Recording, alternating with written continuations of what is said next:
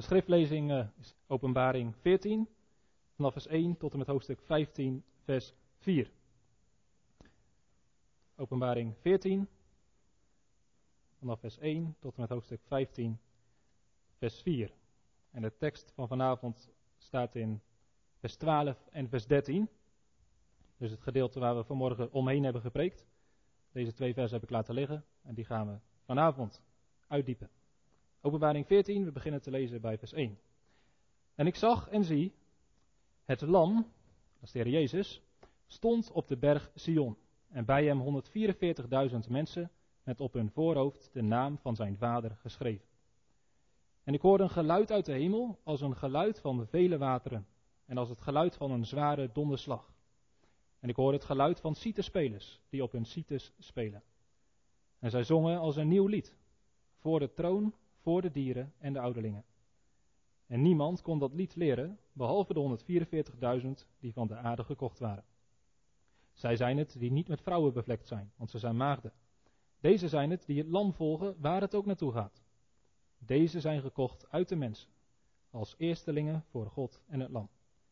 En in hun mond is geen leugen gevonden, want zij zijn smetteloos voor de troon van God. En ik zag een andere engel die hoog aan de hemel vloog. Hij had het eeuwige evangelie om dat te verkondigen aan hen die op de aarde wonen. En aan elke natie, stam, taal en volk. En hij zei met een luide stem: Vrees God en geef hem eer, want het uur van zijn oordeel is gekomen. En aanbid hem, die de hemel, de aarde, de zee en de waterbronnen gemaakt heeft. En een andere engel volgde, die zei: Zij is gevallen, ze is gevallen, Babylon, de grote stad, omdat zij alle volken van de wijn van de toren van de hoererij heeft laten drinken. En een derde engel volgde hen, die met een luide stem zei: Als iemand het beest en zijn beeld aanbidt, en het merkteken op zijn voorhoofd of op zijn hand ontvangt, dan zal hij ook drinken van de wijn van de toren van God, die onvermengd is ingeschonken in de drinkbeker van zijn toorn en gepijnigd worden in vuur en zwavel voor het oog van de heilige engelen en van het lam. En de rook van hun pijniging stijgt op tot in alle eeuwigheid. Zij die het beest en zijn beeld aanbidden, hebben dag en nacht geen rust. Evenmin als iemand die het merkteken van zijn naam ontvangt. Hier zien we de volharding van de heiligen. Hier komen openbaar die de geboden van God en het geloof in Jezus in acht nemen. En ik hoorde een stem uit de hemel tegen mij zeggen: Schrijf, zalig zijn de doden die in de Heere sterven, van nu aan. Ja, zegt de geest, opdat ze rusten van hun inspanningen en hun werken volgen met hen. En ik zag en zie een witte wolk, en op de wolk zat iemand als een mensenzoon, en op zijn hoofd een gouden kroon en in zijn hand een scherpe sikkel. En een andere engel kwam uit de tempel en riep met een luide stem tegen hem die op de wolk zat: Zend uw sikkel en maai, want het uur om te maaien is voor u gekomen, omdat de oogst van de aarde geheel rijp is geworden. En hij die op de wolk zat, zond zijn sikkel op de aarde, en de aarde werd gemaaid. En een andere engel kwam uit de tempel, die in de hemel is, en ook hij had een scherpe sikkel. En weer een engel, andere engel kwam bij het altaar vandaan, en die had macht over het vuur. En hij riep met luide stem tegen hem die de scherpe sikkel had, en zei: Zend uw scherpe sikkel en oogst de trossen van de wijnstok van de aarde, want de druiven ervan zijn rijp. En de engel zond zijn sikkel op de aarde en oogste de druiven van de wijnstok van de aarde. En wierp die in de grote wijnpersbak van de toren van God. En de wijnpersbak werd getreden buiten de stad. En er kwam bloed uit de wijnpersbak, tot aan de tomen van de paden, 1600 stadien ver. En ik zag een ander teken in de hemel, groot en wonderbaarlijk. Zeven engelen met de zeven laatste plagen. Want daarmee zal de toorn van God tot een einde gekomen zijn. En ik zag iets als een glazen zee met vuur gemengd. En de overwinnaars van het beest, van zijn beeld, van zijn merkteken en van het getal van zijn naam stonden bij de glazen zee met de cites van God. En zij zongen het lied van Mozes, de dienstknecht van God, en het lied van het lam met de woorden: Groot en wonderbaarlijk zijn uw werken, heren, almachtige God. Rechtvaardig en waarachtig zijn uw wegen, koning van de heiligen. Wie zou u niet vrezen, heren, en uw naam niet verheerlijken? Immers, u alleen bent heilig, want alle volken zullen komen en u aanbidden, want uw oordelen zijn openbaar geworden. Tot zover onze schriftlezing. De tekst vinden we dus in vers 12 en 13 van hoofdstuk 14. En uh, ik heb gekozen gewoon als thema: Zalig zijn de doden die in de Heer sterven. Eerst denken we na over wie dat zijn. Wie sterven er zalig? Vervolgens, hoe sterven zij zalig? En ten derde, waarom is het zalig? Waarom zijn zij zalig? Dus wie, hoe en waarom deze mensen zalig sterven. Ik denk dat we vanmorgen al een beetje indruk hebben gekregen van het boek Openbaring. Dat het een uh, ernstig Bijbelboek is met een indringende boodschap.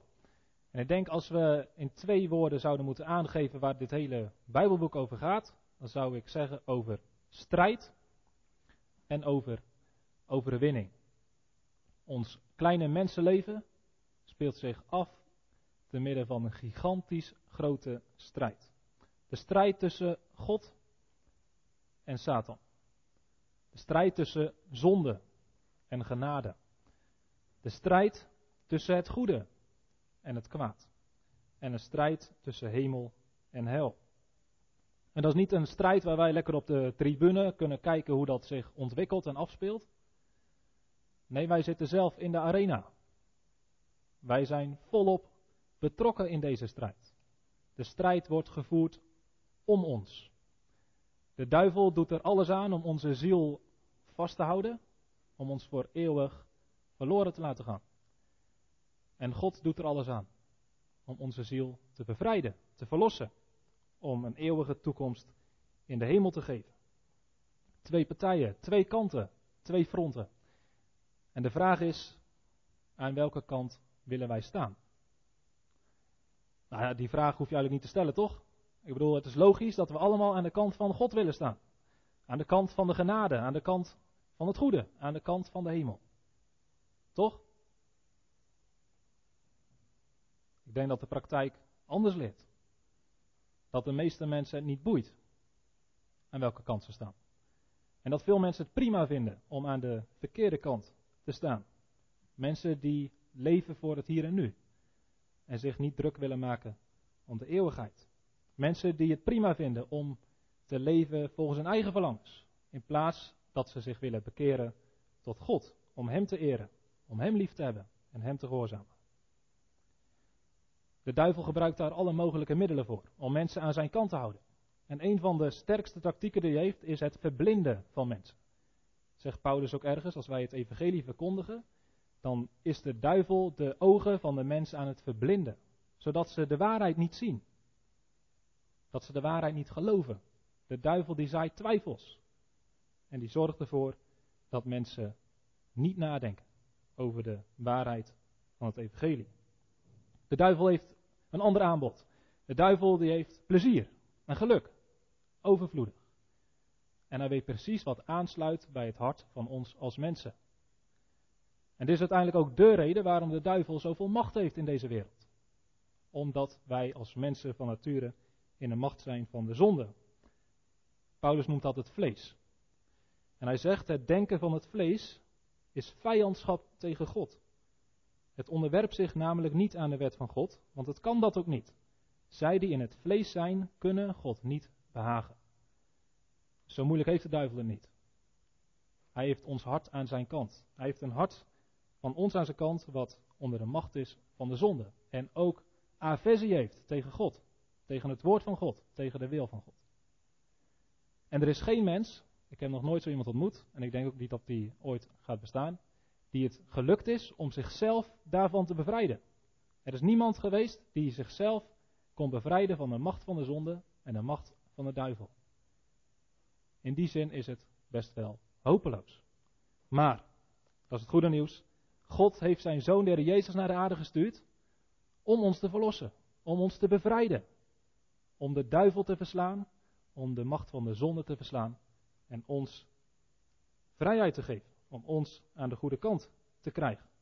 Nou, dat is dat evangelie wat verkondigd is. Het evangelie wat uitgaat over heel de aarde. Het evangelie wat alle mensen moeten horen. Het evangelie dat God zijn zoon naar de aarde heeft gestuurd. Om ons als mensen die zichzelf niet kunnen redden. Om ons te redden. Omdat hij daartoe wel in staat is. En daar gebruikt God ook het evangelie voor. Als het evangelie wordt verkondigd, dan is de Heilige Geest aan het werk om harten van mensen in te winnen. Om mensen te brengen tot bekering en tot geloof. En op het moment dat iemand tot God zich bekeert en zijn vertrouwen stelt op de Heer Jezus, dan is die van kant gewisseld. Dat is het moment dat iemand van de macht van de duivel overgaat naar het koninkrijk van God. Nou, als u dit mag weten, ik heb mij tot God bekeerd en ik geloof in Heer Jezus, dan is dat een geweldige, vreugdevolle boodschap. Dan is de duivel al zijn macht over u kwijt. De duivel heeft geen gezag meer over u. En uiteindelijk bent u vrij. Vrij van de macht van de zonde. Vrij van de macht van de wereld. Vrij van de macht van de zonde. Om nu werkelijk voor God te kunnen en te willen leven. Dus in die zin heeft de duivel al verloren. Is de strijd al beslist. Wie nu in de Heer Jezus gelooft, kan nooit meer verloren gaan. Maar dat betekent niet dat de duivel klaar is. De duivel die gaat door met vechten. Hij vecht de gelovigen aan. Hij voert een strijd tegen de kerk van de Heer Jezus Christus. Nou, het openbaring die staat daar vol mee. Een duivel die volop actief is om de gelovigen te verleiden, om ze af te trekken van de waarheid, om ze mee te slepen naar de zonde. En als dat niet lukt, dan heeft hij een andere tactiek, openbaring 13. Hij zet antichristelijke machten in. Hij werkt via politieke systemen, via antichristelijke ideeën, ideologieën. Om mensen die de Heer Jezus willen volgen te onderdrukken. Om druk op ze uit te oefenen.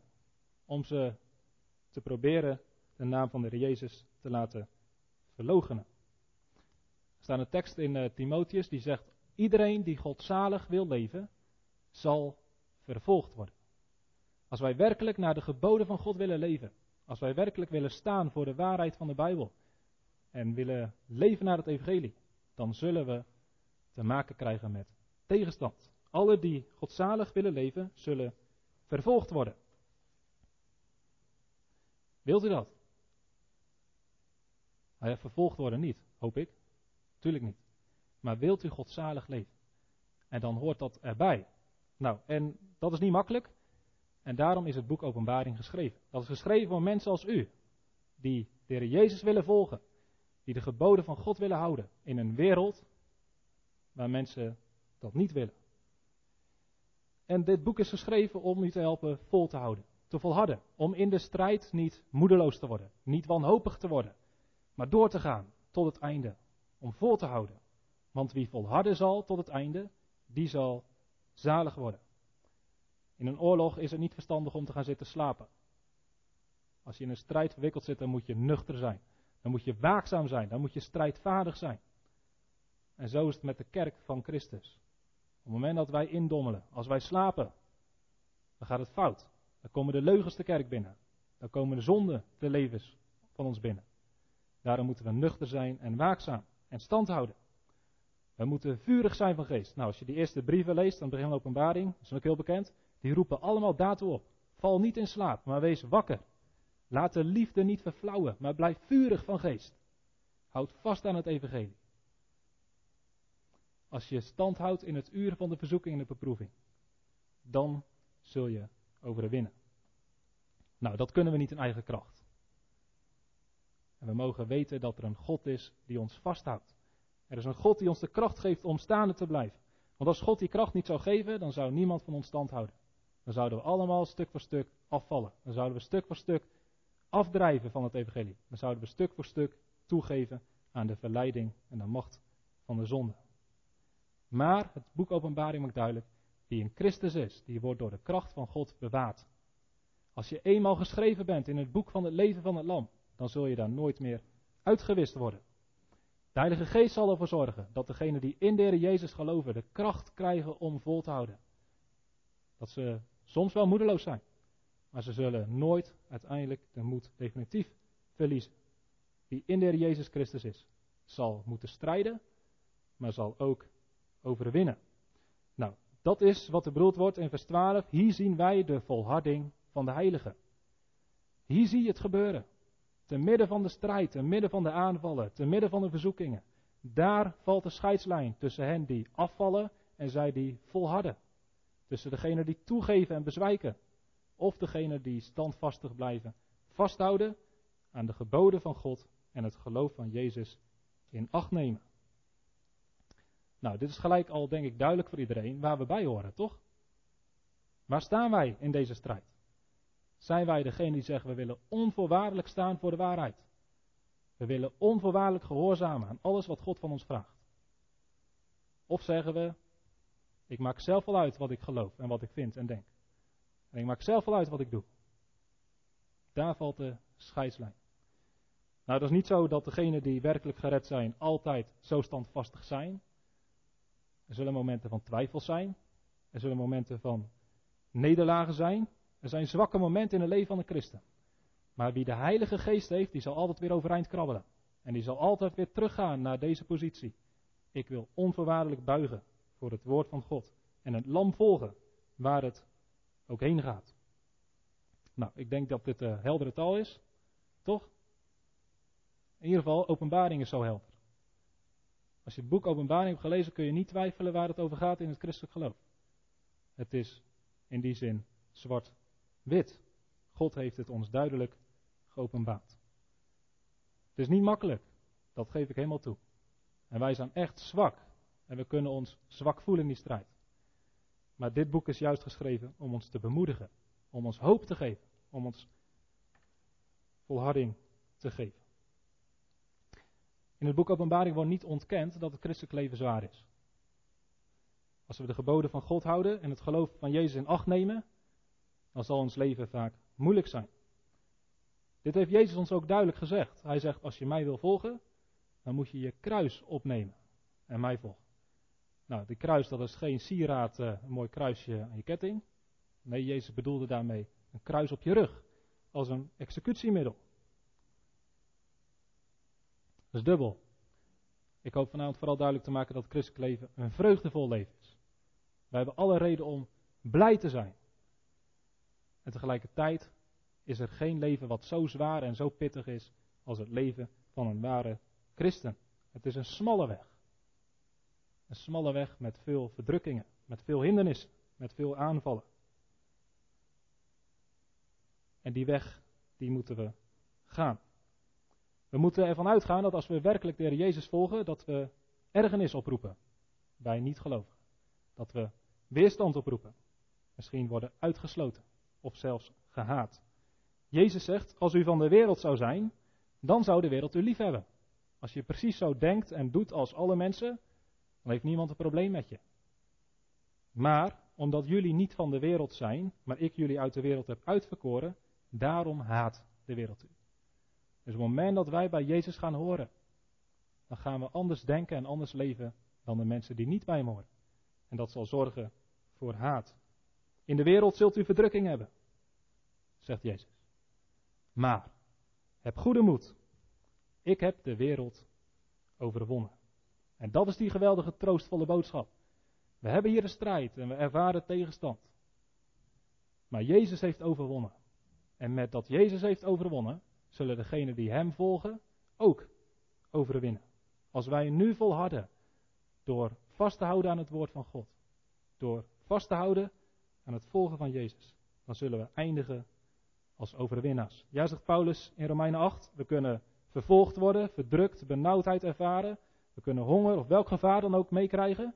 In dit alles zijn wij meer dan overwinnaars. Door Hem, door Jezus, die ons heeft liefgehad. Nou, en ik denk dat we op die hoogte zitten als we horen de woorden van vers 13. Ik hoor een stem uit de hemel tegen mij zeggen: Schrijf, zalig zijn de doden die in de Here sterven. Dat is een triomftekst, een tekst van overwinning. Een tekst, een zegentekst, hoe zeg je dat? Die wordt gezegevierd. De overwinning wordt gevierd. Zalig zijn zij die in de Here sterven. Nou, iets wat ik niet wist, in openbaring staan heel veel, of zeven teksten, die beginnen met zalig zijn. Zalig sprekingen. Die van eh, de bergreden, Matthäus 5, zijn heel bekend. Daar wordt misschien ook wel eens vaker over gepreekt. Zalig zijn de armen van geest, want hun is het koninkrijk van de hemelen. Zalig zijn die treuren, want ze zullen vertroost worden. Zalig zijn die honger en dorsten naar de gerechtigheid. De zaligsprekingen van de bergreden. Die zijn heel bekend. In openbaring staan ook zaligsprekingen. En die zijn misschien wat minder bekend. Het zijn er zeven. En uh, dat is een mooi getal, het getal van de volheid. En het openbaringboek begint ermee. Openbaring 1 vers 3. Die zegt, zalig is hij die leest. En zijn zij die horen de woorden van deze profetie. En die in acht nemen wat daarin geschreven staat. Want de tijd is nabij. En openbaring 22, het laatste hoofdstuk, eindigt ook met een zalig spreuk. Zalig zijn zij die zijn geboden doen, zodat zij recht mogen hebben op de boom van het leven en opdat zij door de poorten de stad mogen binnengaan. Nou, misschien moeten we nog een keer uh, nalezen thuis. In de openbaring kom je zeven zaligsprekingen tegen. En dit is de tweede. Zalig zijn de doden die in de Here sterven. En misschien is het wel de meest bijzondere zaligspreking. Want zalig, gelukkig, heel gelukkig zijn en sterven, dat is toch een beetje een vreemde combinatie. Hoe kun je nou zeggen dat mensen die sterven zalig zijn, gelukkig zijn, maximaal gelukkig zijn? Nou, uh, moeten we de doden gelukkig prijzen? Er zijn mensen voor wie het leven op aarde zo zwaar is, zo moeilijk, dat het voor hun beter lijkt om dood te zijn dan om te leven. Is dat wat hier bedoeld wordt? Zalig zijn de doden? Of moeten we zeggen, nou, het is gewoon even goed, beter om te sterven, want uiteindelijk dan krijg je een heerlijke toekomst. Er zijn heel veel mensen die geloven nergens in, maar ze geloven wel, hopen, dromen dat er na leven toch iets moois komt. Zalig zijn de doden. Nou, dat is niet wat hier bedoeld wordt. Er staat hier, wel zalig zijn de doden, maar er staat iets bij. De doden die in de Here sterven. Niet iedereen is zalig die sterft. Nee, het gaat hier om de mensen die in de Here sterven. Die uitdrukking in de Here is alles bepaald. Nou, wat betekent dat? Wat betekent het om in de Here te sterven? Kan op twee manieren uitgelegd worden. De eerste is uh, in verbinding met. Door het ware geloof met de Here verbonden. In het Nieuw Testament wordt dat heel vaak gebruikt. Je hebt twee soorten mensen uiteindelijk. Je hebt mensen die in Christus zijn en mensen die buiten Christus zijn. Mensen die in de Heer Jezus geloven en mensen die niet in de Heer Jezus geloven. Mensen die buiten de Heer Jezus zijn, die niet in Hem geloven, die worden hier niet bedoeld. Want het zijn degenen die in de Heer sterven. Dus iedereen die verbonden is aan de Heer Jezus. Uh, vanmorgen heb ik die tekst volgens mij ook genoemd. Er is geen verdoemenis voor degenen die in Christus Jezus zijn. Dus als je in Christus Jezus bent, is er geen oordeel, geen straf van God. Nou, dat is de belangrijkste vraag. Hoe kun je in Christus Jezus komen? Hoe kun je van buiten Christus in Christus komen? Wat moet je daarvoor doen?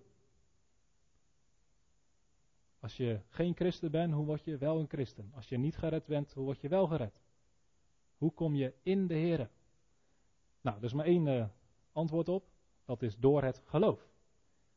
Het geloof is het middel wat God heeft bedacht, waardoor wij ons kunnen verbinden aan de Heer Jezus. Als wij ons toevertrouwen aan de Heer Jezus, als wij ons vertrouwen op Hem stellen, dan worden we met Hem verbonden. Dan worden wij in Christus. Dus als we ons vastklampen aan Hem, als we Hem aanroepen, als we Hem aanbidden, als we op Hem vertrouwen, dan geloven we in de Heer Jezus en zijn we in de Heer. En daarmee dus ook zalig. Dit moeten we echt begrijpen. Niemand wordt gered door zijn eigen prestaties. Het is niet zo dat degenen zalig hier zijn die iets beter hebben geleefd dan degenen die niet zalig zijn. Die iets harder hun best hebben gedaan. Dat is niet het onderscheid in de Bijbel. Het enige onderscheid wat wordt gemaakt in de Bijbel tussen degenen die wel zalig zijn en niet zalig zijn, is hoe onze verhouding is tot de Heer Jezus. Als wij de Heer Jezus lief hebben, als we op Hem vertrouwen, als we Hem volgen, dan zijn we zalig. Niet omdat wij goed zijn of beter zijn, maar omdat de Heer Jezus goed is. Omdat Hij een volkomen zaligmaker is. Dat moeten we echt helder hebben. Niemand gaat naar de hemel omdat hij een betere mens is dan andere mensen.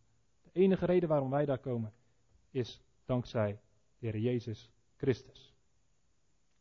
Dat is ook die vraag van de catechismus. Wat is uw enige troost?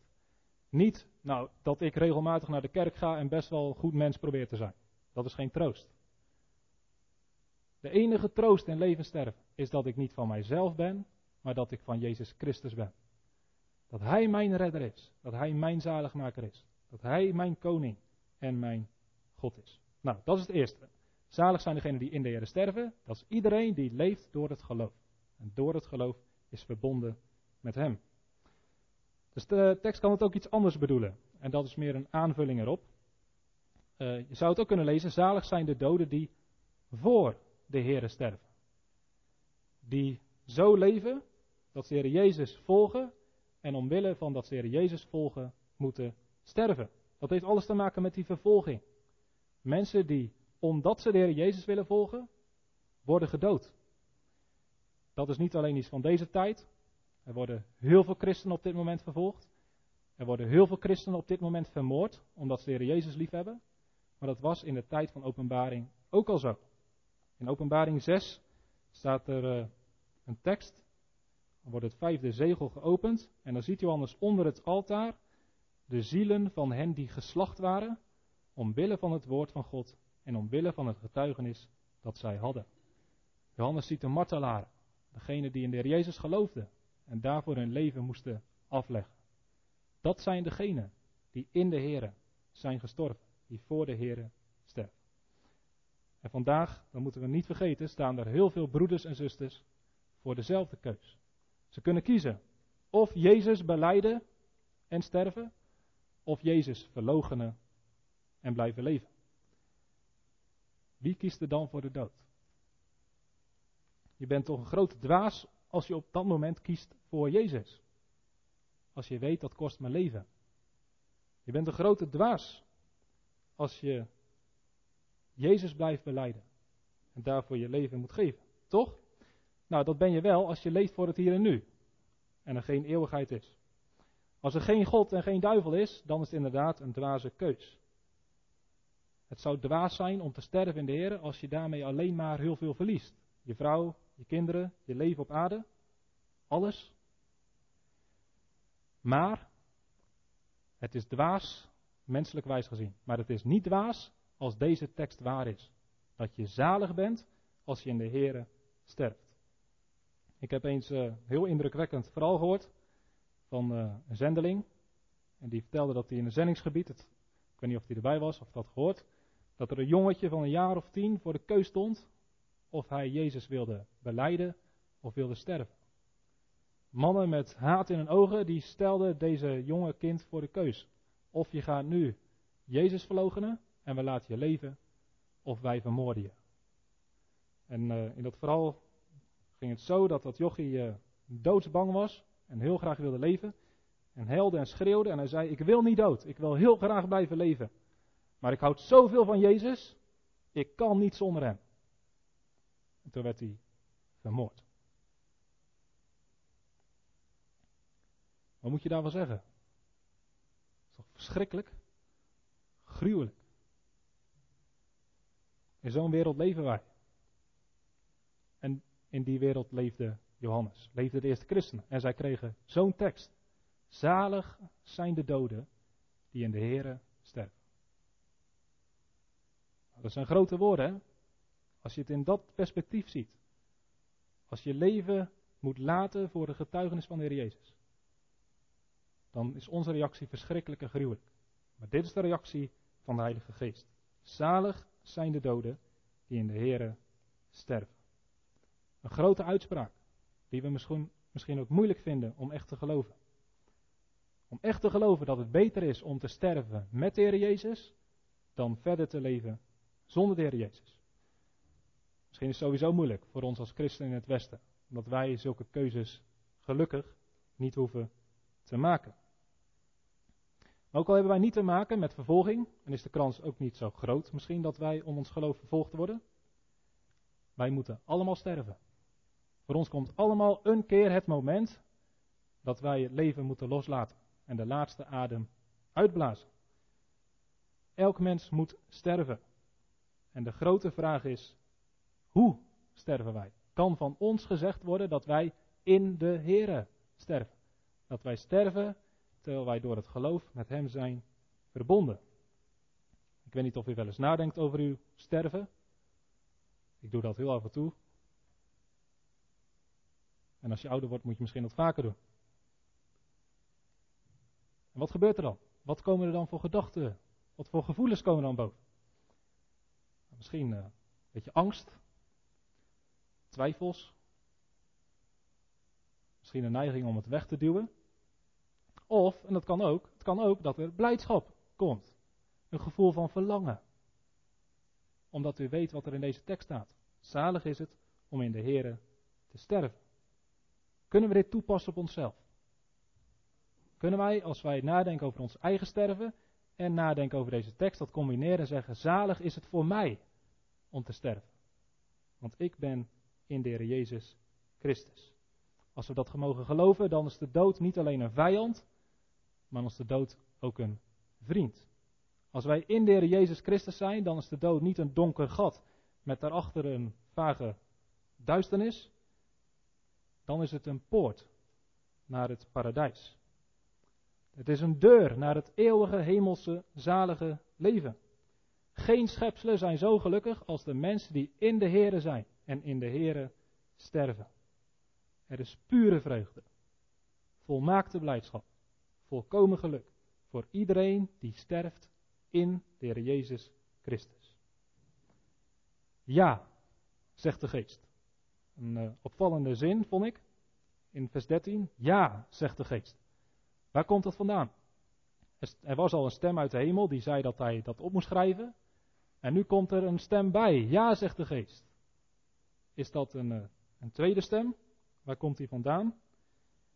Ik heb erover na zitten denken en ik weet het niet zeker, maar ik denk dat, uh, dat dit gaat over de geest in ons. De Heilige Geest die in het hart van een gelovige woont. Er zijn meer teksten in de Bijbel die daarover gaan. Bijvoorbeeld, de geest zelf getuigt met onze geest dat wij kinderen van God zijn. Als wij uh, kinderen van God zijn en we lezen de Bijbel, dan zien we daarin beloften. Bijvoorbeeld de belofte, wie in de Heer Jezus gelooft, heeft eeuwig leven. Nou, als u dan uh, mag zeggen, ik geloof in de Heer Jezus, dan mag u vervolgens ook met zekerheid weten, ik heb het eeuwige leven. Of een tekst als uh, zoveel de Heer Jezus hebben aangenomen, hun heeft hij het voorrecht gegeven om kinderen van God te worden. Ik heb de Heer Jezus aangenomen. Dus ik mag weten dat ik een kind van God ben. Die conclusie mogen wij zelf trekken als gelovigen. Maar wat doet de Heilige Geest? Die helpt ons daarbij. En die gaat dat als het ware bevestigen. De Heilige Geest getuigt met onze geest dat we kinderen van God zijn. Dan gaat de Heilige Geest als het ware in ons hart dat bevestigen. Hij gaat de diepe zekerheid geven dat het inderdaad zo is. Hij neemt alle twijfel weg. En hij geeft een rust, een vrede, een blijdschap door het besef dat we inderdaad het eeuwige leven hebben. En ik denk dat we dit ook zo kunnen lezen. Johannes die hoort die stem. Zalig zijn de doden die in de Heer sterven. En Johannes die de Heilige Geest heeft, die heeft als het ware, dit is zijn reactie. Ja, dit klopt, dit is waar. Het is waar dat degenen die in de Heer sterven zalig zijn.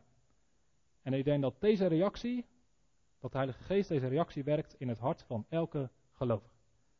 Niet altijd even sterk, soms meer, soms minder. Maar als wij werkelijk in de Heer Jezus Christus zijn, als we in Hem geloven, dan hebben we de Heilige Geest ontvangen. En dan is dit de reactie die de Heilige Geest geeft op zulke teksten. Ik heb dit ervaren in het voorbereiden van de preek. Dat er iets was van binnen dat zei: Ja, geweldig, dit is waar. En ik hoop dat u dat ook ervaart. Als je deze preek hoort, als je deze tekst leest, dat je zegt: Het klopt, het is echt waar. Je bent zalig als je in de Heer Jezus gelooft. En je bent dolgelukkig als je in Hem mag sterven. Misschien heeft u mensen mogen kennen die zo zijn gestorven. Dat mensen op een ziekbed lagen en wisten dat hun einde naderde en dat ze stierven in de volle zekerheid van het geloof. Ik heb wel eens uh, getuigenis gehoord van iemand die zei, uh, mijn moeder of mijn vader, die stierf met Psalm 43 op zijn lippen. Dan ga ik op tot Gods altaren, tot God, mijn God, die bron van vreugd. Dan zal ik juichend, stemmend snaren, tot roem van zijn goedheid paren. Zo ging iemand heen. Zo blies iemand de laatste adem uit. Ik heb net een boek gelezen over predikant en die stierf overwinning, overwinning. En toen blies hij de laatste adem uit. Dat is toch machtig mooi? Als je zo kunt sterven, als je zo de hemel kunt binnengaan, alles loslaten, in het volle vooruitzicht dat er een eeuwige hemelse vreugde wacht. Zalig zijn de doden die in de Here sterven. Heel veel martelaren zijn zo de brandstapel opgegaan. Zingend, God prijzend en lovend. Omdat ze wisten. Die vlammen die knetteren nu nog een poosje. Maar het is een bevrijding. Want het is de poort die wij nu binnengaan. Naar het paradijs. Nou, dit kunnen wij nu al ervaren in ons leven. Niet alleen op een sterfbed, maar iets daarvan wil de Heilige Geest soms nu al aan ons als gelovigen geven. Een voorproefje van de hemelse vreugde. Een ervaring van wat het straks aan de andere kant van de dood mag zijn. En als je dat voelt, dan is er een verlangen om te sterven. Dan is er een intens verlangen om naar God te mogen gaan en Hem te ontmoeten. Om de Heer Jezus te zien als onze redder en koning. Om Hem te ontmoeten, die ons heeft liefgehad en zijn leven voor ons heeft gegeven.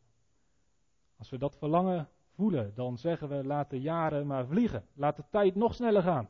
Laat de dag van de wederkomst zo spoedig mogelijk komen. Want het is zalig om in de Here te sterven. Waarom is het zo zalig om in de Here te sterven? Eerlijk gezegd, ik kan niet heel veel vertellen over de hemel. Ik weet alleen welke vreugde de Heilige Geest wel eens in mijn hart geeft, wat iets moet zijn van de hemel. En dat is zo geweldig, dus de hemel is nog geweldiger. Maar hoe de hemel, ik heb geen idee. Maar de Heilige Geest wil soms de blijdschap, de vreugde geven die wij in de hemel ook zullen ervaren. En hier in de tekst staat er iets van, opdat zij rusten van hun inspanningen. Dat is iets van het geluk van de gelovigen, dat ze mogen rusten van hun inspanningen. Nu hebben wij een strijd te voeren. Nu moeten we vechten tegen de zonde, vechten tegen verkeerde verlangens, vechten tegen twijfels, tegen ongeloof. Nu hebben we te maken met verzoekingen, met beproevingen, met verdrukkingen, met verleidingen. We kunnen nu neergedrukt worden door het ongeloof van mensen om ons heen. We kunnen moedeloos worden van alle schijnbare overwinningen van de duivel. We moeten nu strijden voor de voortgang van het evangelie. Dan kunnen we teleurgesteld worden door zoveel mensen die geen waarde zien in de Heer Jezus. We kunnen ontmoedigd worden als we het goede proberen te doen, maar nog steeds zien dat er zoveel kwaad en ellende overblijft, waar we niks aan kunnen doen. En zo kun je doorgaan. Het leven van de gelovigen zit vol strijd. Maar hier is een moment dat ze mogen rusten van al hun inspanningen. Straks is dat allemaal voorbij. Er is een lied. Ben reizend naar die stad waar Christus het licht zal zijn om eeuwig daar bij Hem te zijn, bevrijd van zorg en pijn. Daar is geen smart, geen rouw, geen leed, geen zielsangst meer. Maar eeuwige blijdschap wacht de ziel, daarboven bij de Heer. Daar is de strijd voorbij, daar wacht de gloriekroon. Daar vindt de ware strijder rust. En God zelf is zijn loon. Gelovigen leven niet voor niks. Alle werken die wij doen in de naam van Jezus hebben eeuwigheidswaarde. Dat is een ander lied. Al wat gedaan is uit liefde tot Jezus, dat houdt zijn kracht en blijft eeuwig bestaan. Uiteindelijk mogen we dan ervaren dat we niet voor niks hebben gestreden. Dat we niet voor niks hebben ingespannen om het goede te doen. Dan zullen we beloond worden. En de grootste beloning is God. Om Hem te mogen zien van aangezicht tot aangezicht.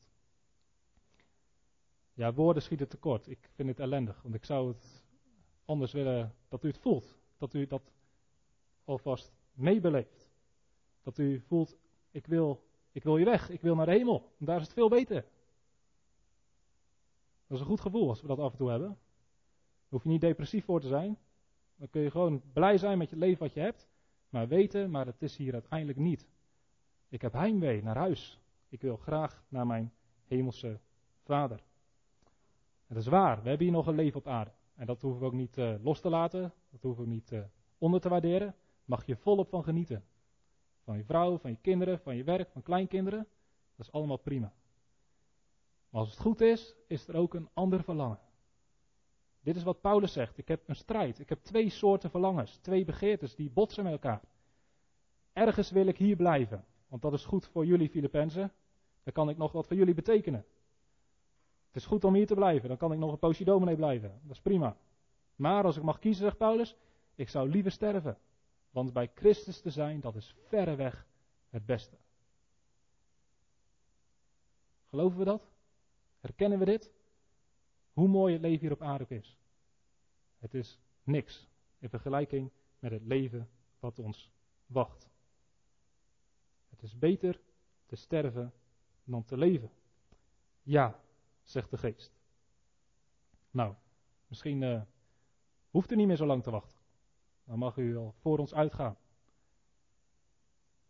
Misschien moeten we nog een poosje wachten. Nou, laten wij de tijd die we op aarde zijn, leven in dit perspectief. Nooit vergeten dat het uiteindelijk daar naartoe gaat. En laten we dan ook zo leven dat we niet alleen gaan, maar dat we zoveel mogelijk mensen om ons heen meenemen. Dat we samen zalig zijn, omdat we samen in de Jezus Christus geloven. Samen in Hem willen leven. En dan ook hen in Hem zullen sterven. Wat een vreugde zal dat zijn. Om eeuwig bij Hem te zijn. Samen Hem te aanbidden. Het nieuwe lied te zingen. Om het Lam, de Jezus Christus, eeuwig te danken. En eeuwig te aanbidden. Amen.